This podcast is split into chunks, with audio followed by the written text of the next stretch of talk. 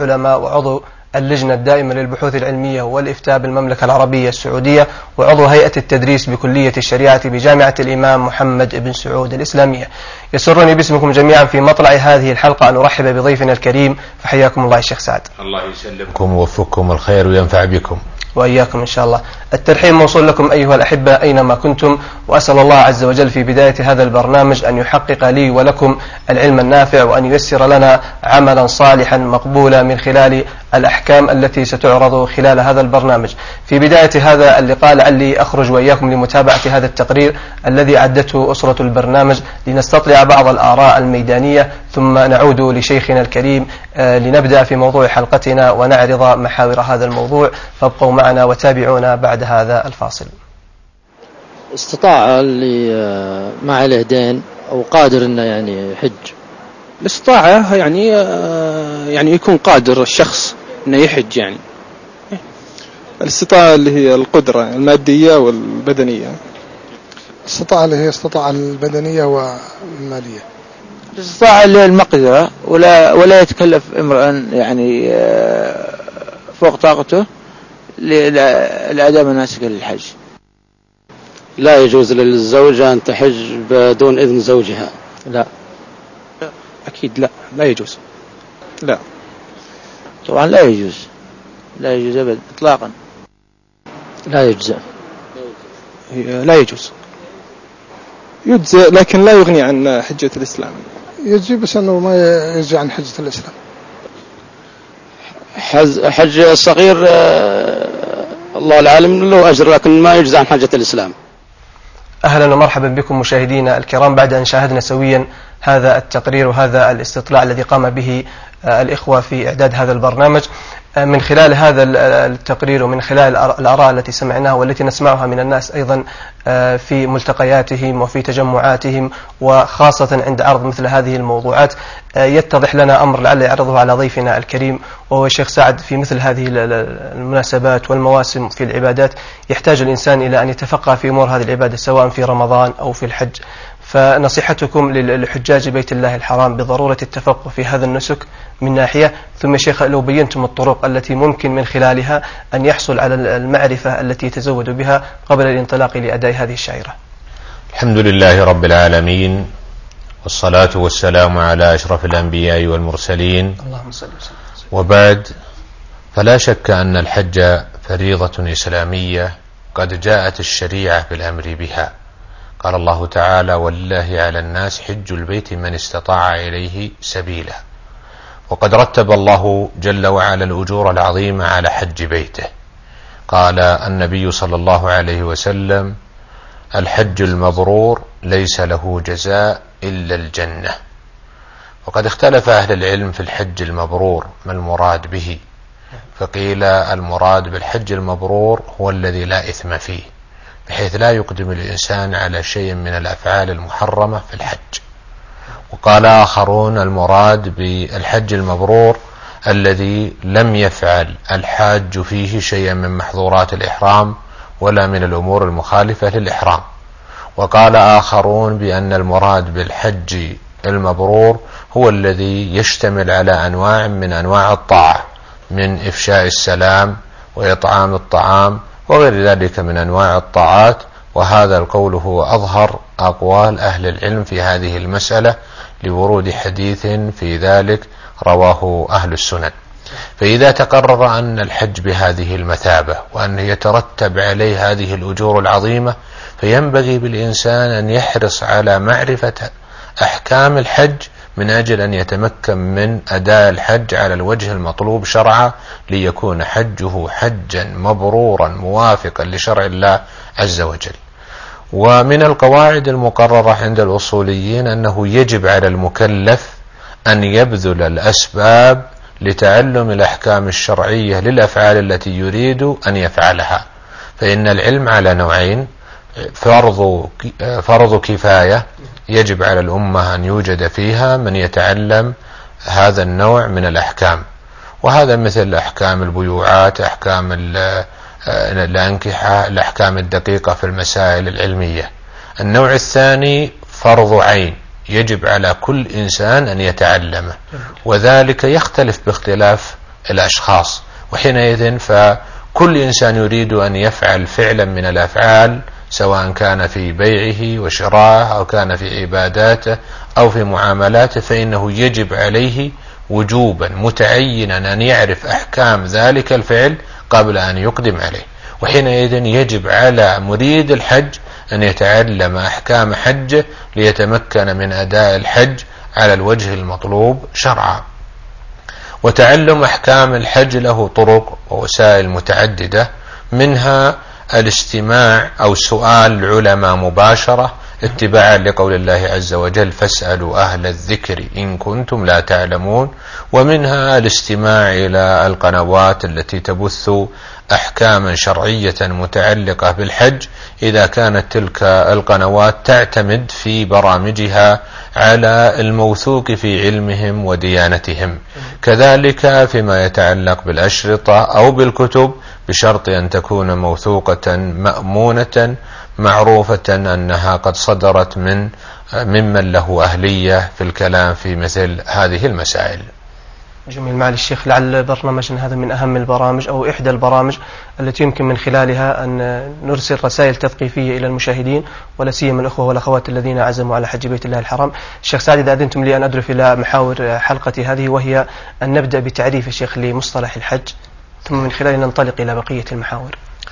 أه، أنا أقول يعني أن مصطلح الحج عند الناس معروف ومعلوم. أه، الفقهاء يذكرون في عبارات يحاولون أن أه، يأتوا بها مثل أن يقولوا قصد البيت الحرام من أجل أداء مناسك مخصوصة نعم. لكن الحج أعرف من أن يعرف لأن الناس يعرفون آه، أصل الحج ومعروف المعنى العام للحج وبالتالي لا نحتاج إلى تعريف دقيق يتحرز فيه ماذا يدخل فيه وما لا يدخل فيه جميل. ولا ولا نحتاج إلى عرض بعض المصطلحات العلمية. نعم. لكون غالبا نكتفي بهذا المصطلح.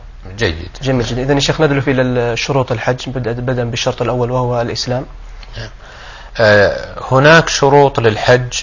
شروط الحج متعلقة ولها أمور آه، أو لها أنواع كثيرة. هذه الشروط أولا لابد أن نعرف ما المراد بالشرط. جميل. آه، عند الأصوليين يقولون الشرط ما لا يتم وجود المشروط إلا به. مثال ذلك الطهارة شرط للصلاة.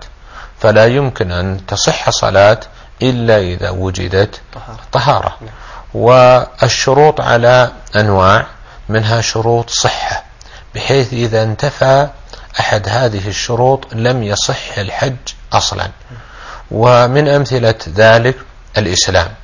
لو حج كافر فإن حجه غير مجزئ وغير تام. وبالتالي لو وجد عند الإنسان مناقضة لأصل من أصول الإسلام وهما الشهادتان.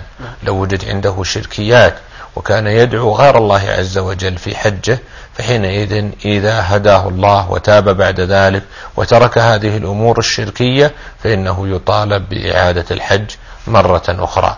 والدليل على أن الإسلام شرط ما ورد من النصوص الشرعية بأن الله عز وجل لا يقبل من غير المسلمين.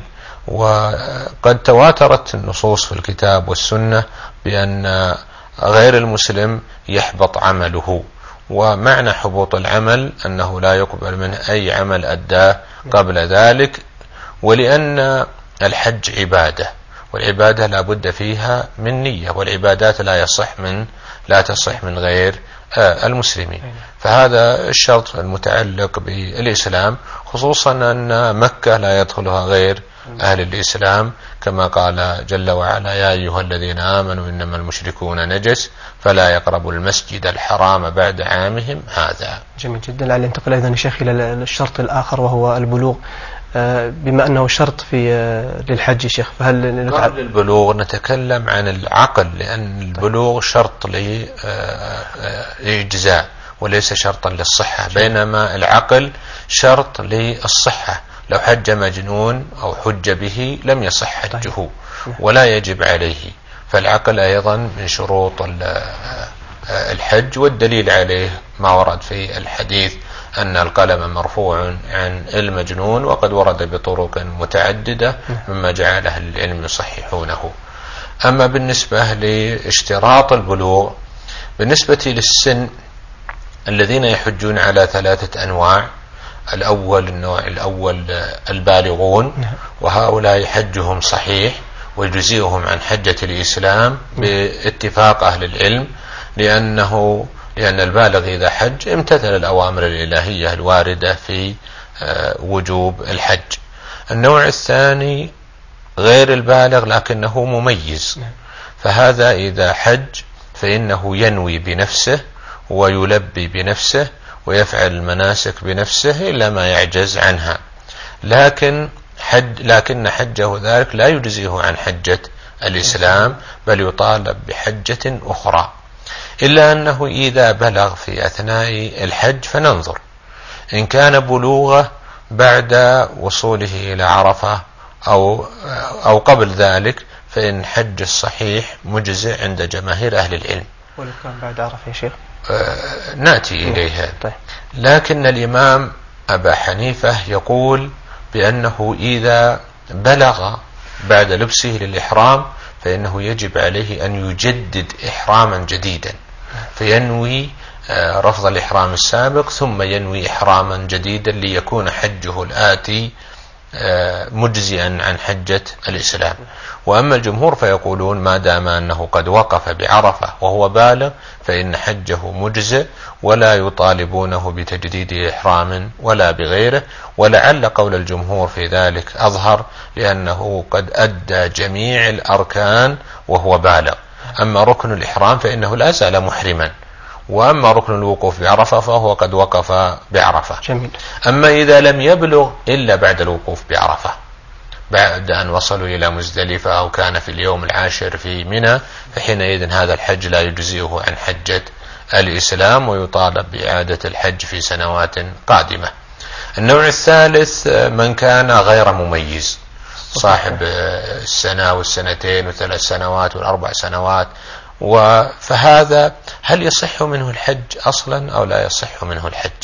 مذهب الأئمة الثلاثة مالك والشافعي وأحمد أن الحج صحيح ويستدلون على ذلك بما ورد في حديث ابن عباس في الصحيح أن النبي صلى الله عليه وسلم لقي ركبا بالروحاء. نعم. فسألهم من أنتم؟ فقالوا نحن المسلمون.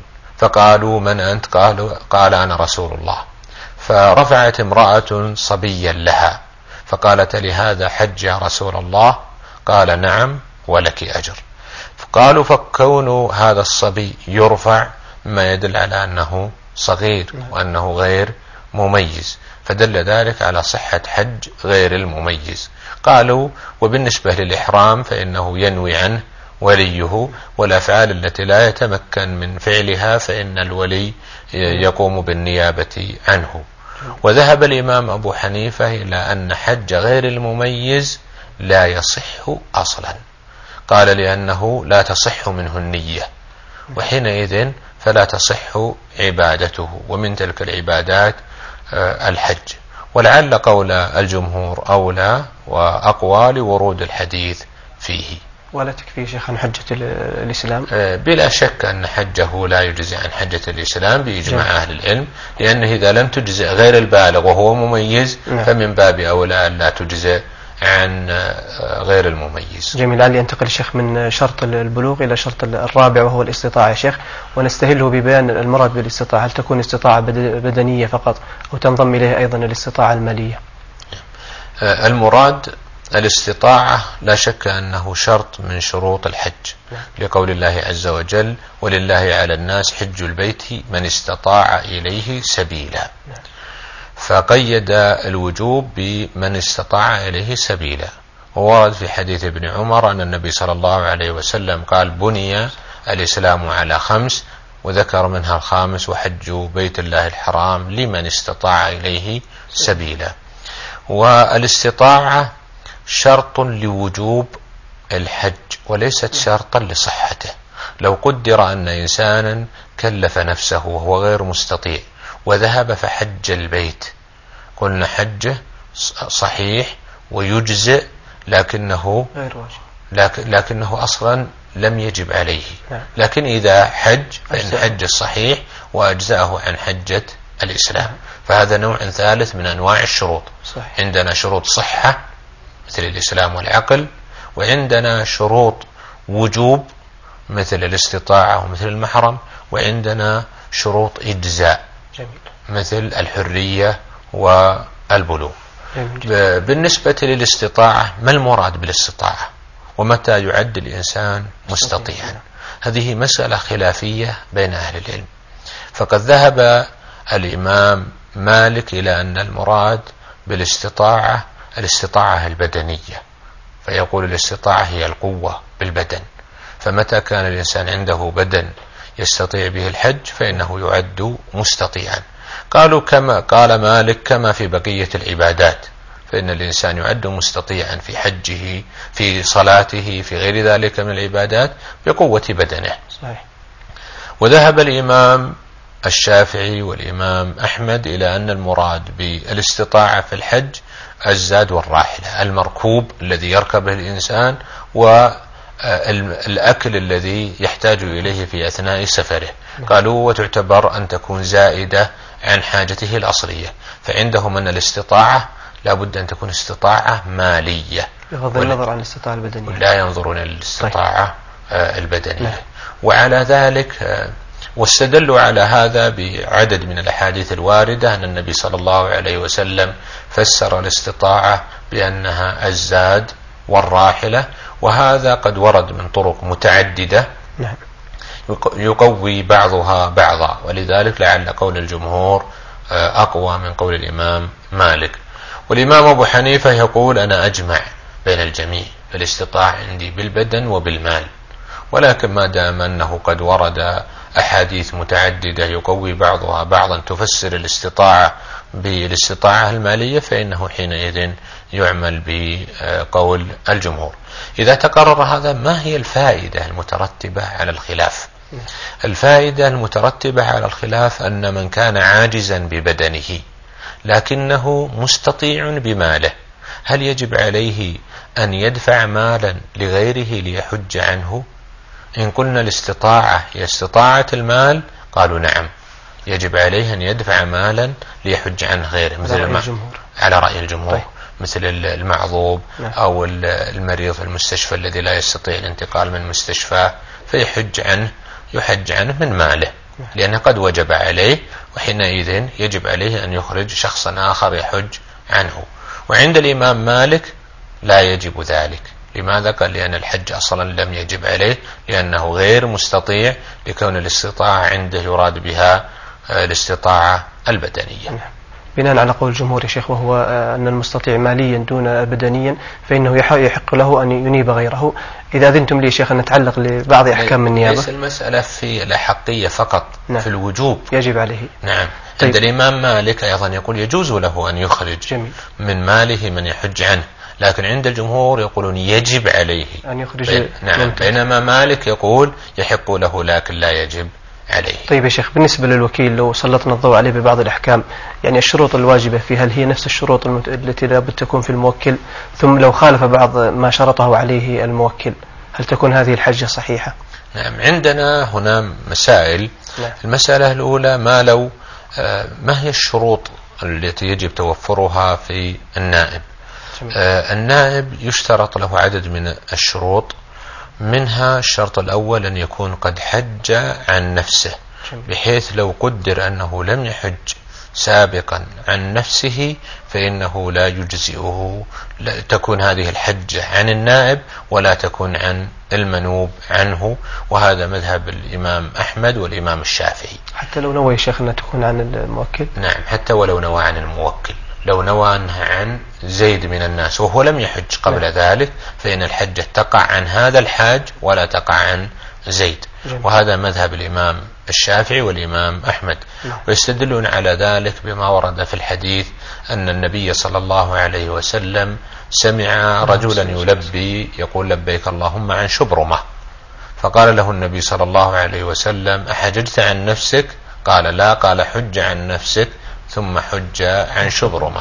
وهذا الحديث آه، قد رواه آه، أهل السنن وقد اختلف في رفعه ووقفه. فبعض الرواة يرى أنه من, روا من كلام ابن عباس وبعض الرواة يروي أنه مرفوع إلى النبي صلى الله عليه وسلم. ويبعد أن تكون الحادثة قد تكررت في الأمرين معا يعني عند ابن عباس وعند النبي لأن الرجل باسم واحد اسمه شبرمة. لذلك الذي يظهر أنها لم تقع إلا مرة واحدة. وإذا نظرنا إلى أكثرية الرواة نجد أن أكثر الرواة قد رووه موقوفا عن ابن عباس. ولذلك فإن الأظهر أنه من كلام ابن عباس وليس من كلام النبي صلى الله عليه وسلم. لكن كلام ابن عباس له مظنة الاشتهار خصوصا أنه في الحج. وابن عباس كان مفتي زمانه والصحابي إذا تكلم بكلمة فانتشرت في الأمة ولم يوجد له مخالف فإنه يعد إجماعا سكوتيا. هذا هو القول الأول في المسألة. بينما ذهب الإمام أبو حنيفة والإمام مالك إلى أنه يجوز للإنسان أن يحج عن غيره وهو لم يحج عن نفسه. قالوا واستدلوا على ذلك بأن الأصل الجواز. وبالتالي استصحبوا هذا الأمر. لكن القول الأول أرجح وأظهر من جهة الدليل. جميل جدا. نعم هذا بالنسبة لمسألة. أيضا المسألة الثانية التي أشرت إليها ومسألة اختلاف أو المخالفة النائب لما وكله به المنوب عليه. فهناك مسائل متعددة. منها إذا فعل محظورا من محظورات الإحرام. فحينئذ هذا المحظور الواجب أن يدفعه النائب للمنوب عنه لأنه من فعل النائب. الأمر الثاني ما لو حج متمتعا أوصاه بأن يحج عنه. فهو أراد أن يجمع بين الأمرين بين عمرة وبين حج. عمرة له وحج عن الشخص المنوب عنه. فحج متمتعا. فحينئذ نقول الدم الواجب في التمتع هذا يجب على النائب ولا يجب يجب على الوكيل ولا يجب في مال الموكل. نعم. لماذا؟ لأن إيجاب الدم هذا أمر خارج عن ما وكله عليه. آه الأمر الثاني فيما يتعلق بكونه آه كون النائب مثلا يحرم في حج التمتع. نعم. آه لما وكله الوكيل الموكل هو يريد منه حج يكون فيه إحرام من الميقات. لكن هنا الإحرام لن يكون من الميقات لكونه متمتعا. إن رجع للميقات فإنه لا إشكال عليه. وأما إن أحرم من مكة فذهب بعض أهل العلم إلى أنه يجب عليه دم. قالوا لأن وجوب الدم في مثل هذه المسألة لأنه خالف ما وكله به الوكيل. وذهب آخرون إلى أنه مج أنه يجزئ وأنه لا يجب عليه دم. لأن الأصل في المتمتع أن يحج أن أن يحرم لحجه من مكة. وحينئذ فلا فلا حرج عليه ولعل هذا القول أظهر الأقوال لكونه يدخل في عموم النصوص التي جاءت بأمر المتمتع بأن يحرم لحجه من مكة. هذا يدلك على مسألة وهي أنه أن من اعتمر في سنة لنفسه أو لشخص ثم حج لشخص آخر فإنه يكون متمتعا. وهذه قد يخفى حكمها عن بعض الناس. أيضا فيما يتعلق بمسائل النيابة هناك مسألة يكثر السؤال عنها وهو حكم أخذ الأجرة في النيابة. بالنسبة لأخذ النفقة موطن اتفاق بين الفقهاء أنه جائز.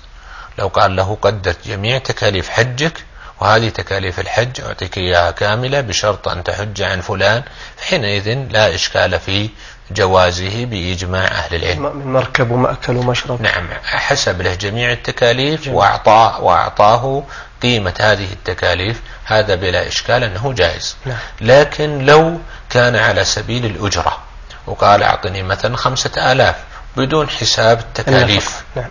فمذهب الإمام مالك والشافعي جوازه. قالوا استدلوا بما ورد في الحديث إن حق ما أخذتم عليه أجرا كتاب الله.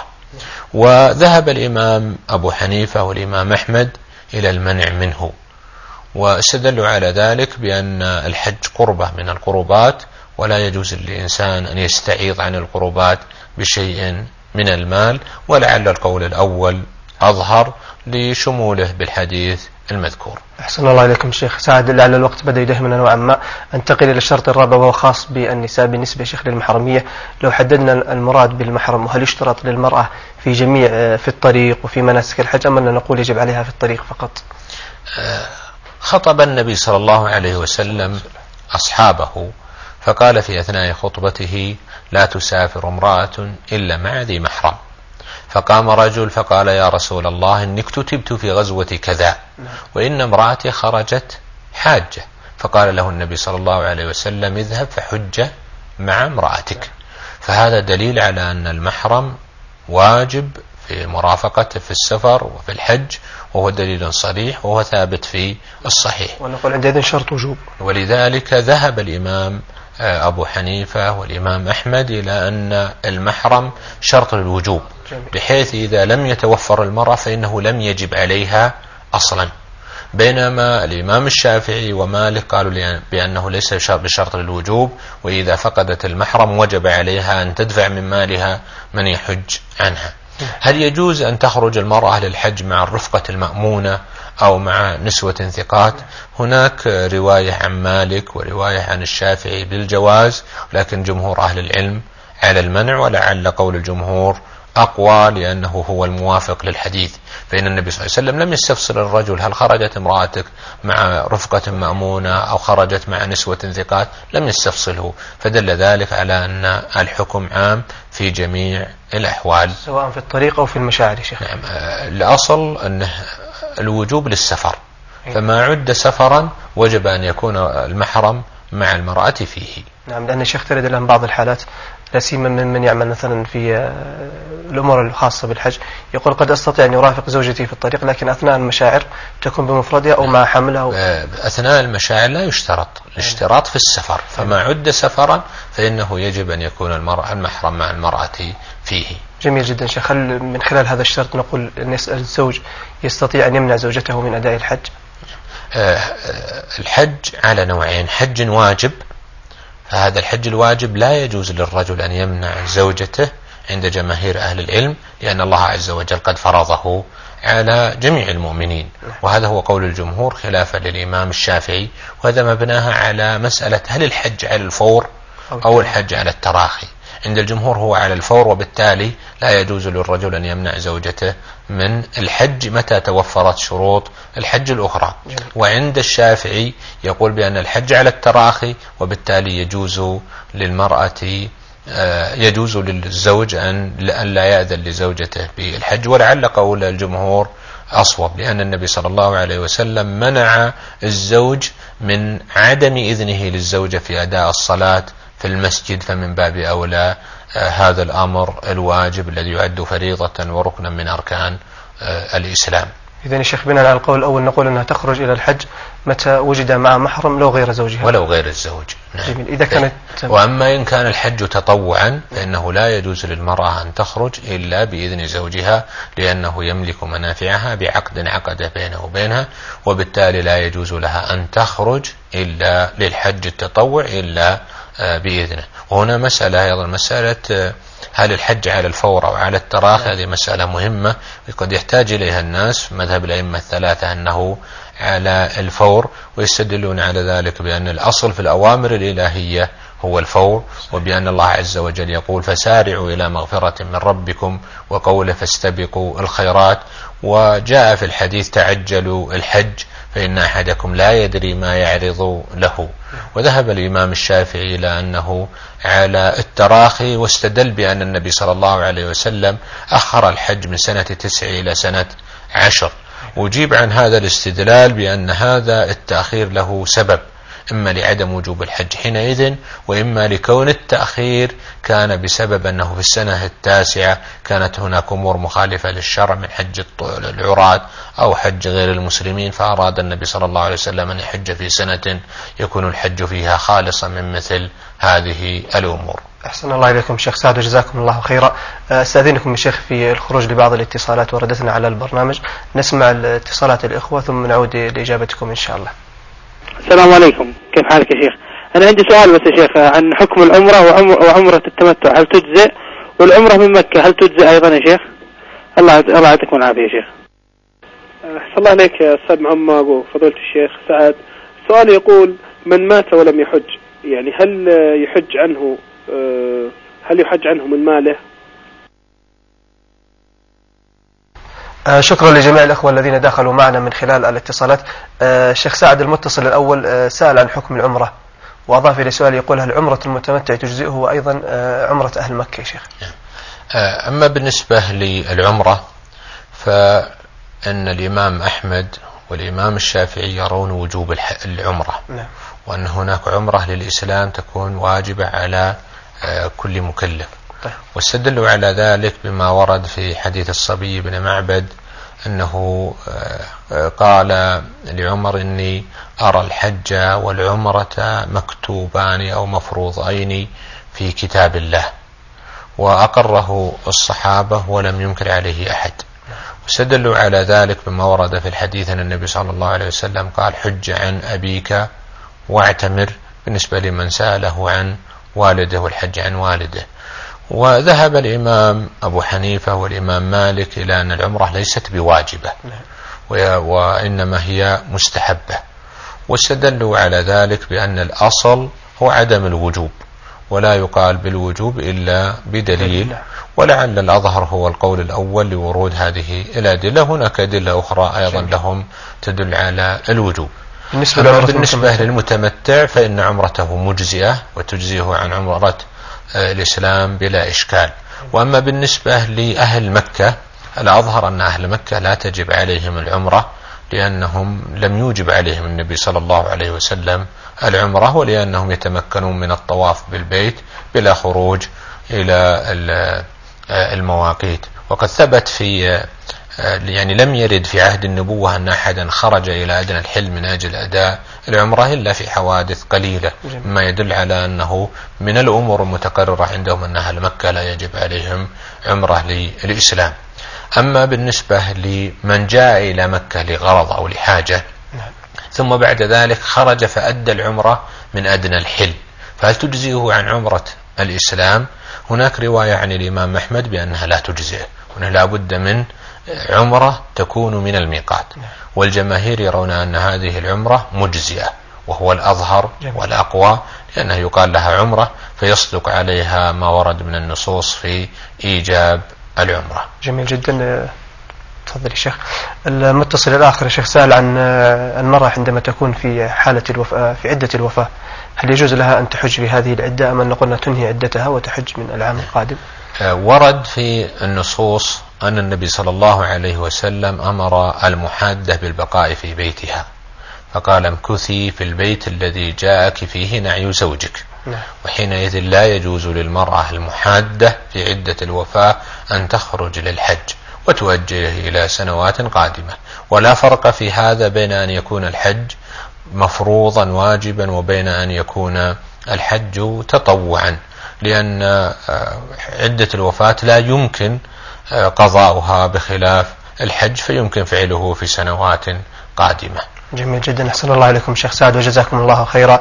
لعلي بهذه الإجابة أختم حلقتنا و آه، باسم جميع المشاهدين أشكركم على حضوركم وأشكركم على ما سمتم به في من البيان والتوضيح لهم فجزاكم الله خيرا.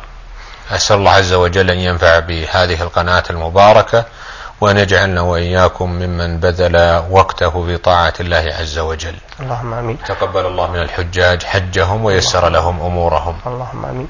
الشكر موصول لكم أيها الأحبة على طيب متابعتكم وحسن استماعكم. آه، لهذه الحلقة موعدنا يتجدد بكم في يوم الغد في موضوع جديد يتعلق بأحكام الإحرام. سنبينها في حلقة متخصصة على وجه التفصيل بإذن الله تعالى. إلى ذلكم الحين. ابقوا في حفظ الله ورعايته. والسلام عليكم ورحمة الله وبركاته. رجالا ركبانا على كل ضرب من كل ذي فج عميق آتيناه. نحج لبيت حجه الرسل قبلنا. لنشهد نفعا في الكتاب أعدناه آتيناك لبيناك جئناك ربنا إليك هربنا والأنام تركناه. أتيناك لبيناك جئناك ربنا إليك هربنا والأنام تركناه.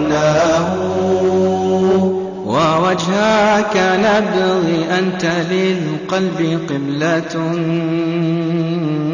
إذا ما حججنا أنت للحج رمناه. وأنت منانا أنت غاية سبلنا. وأنت الذي دنيا وأخرى أردناه. وأنت الذي دنيا وأخرى أردناه.